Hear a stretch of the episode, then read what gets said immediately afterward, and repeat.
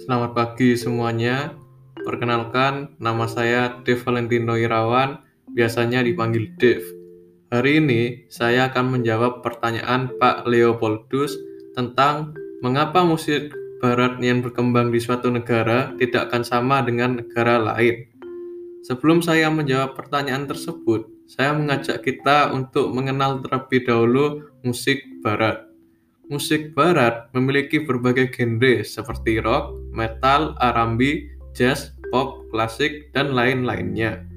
Dari berbagai aliran musik tersebut, tentu memiliki penggemar musik sendiri-sendiri yang tersebar di setiap negara di dunia. Seperti halnya dengan negara Eropa yang terkenal akan musik klasiknya dan Indonesia dengan musik dangdutnya. Di Indonesia sendiri lebih banyak penggemar musik pop, tetapi musik klasik dan rock kurang digemari, sehingga musik klasik dan rock kurang berkembang di Indonesia.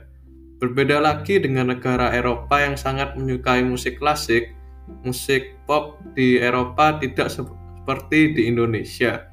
Jadi, jawaban yang paling tepat menurut saya untuk menjawab pertanyaan Pak Leopoldus adalah karena setiap negara memiliki budaya dan seleranya masing-masing. Sekian dan terima kasih dari saya. Tuhan Yesus memberkati.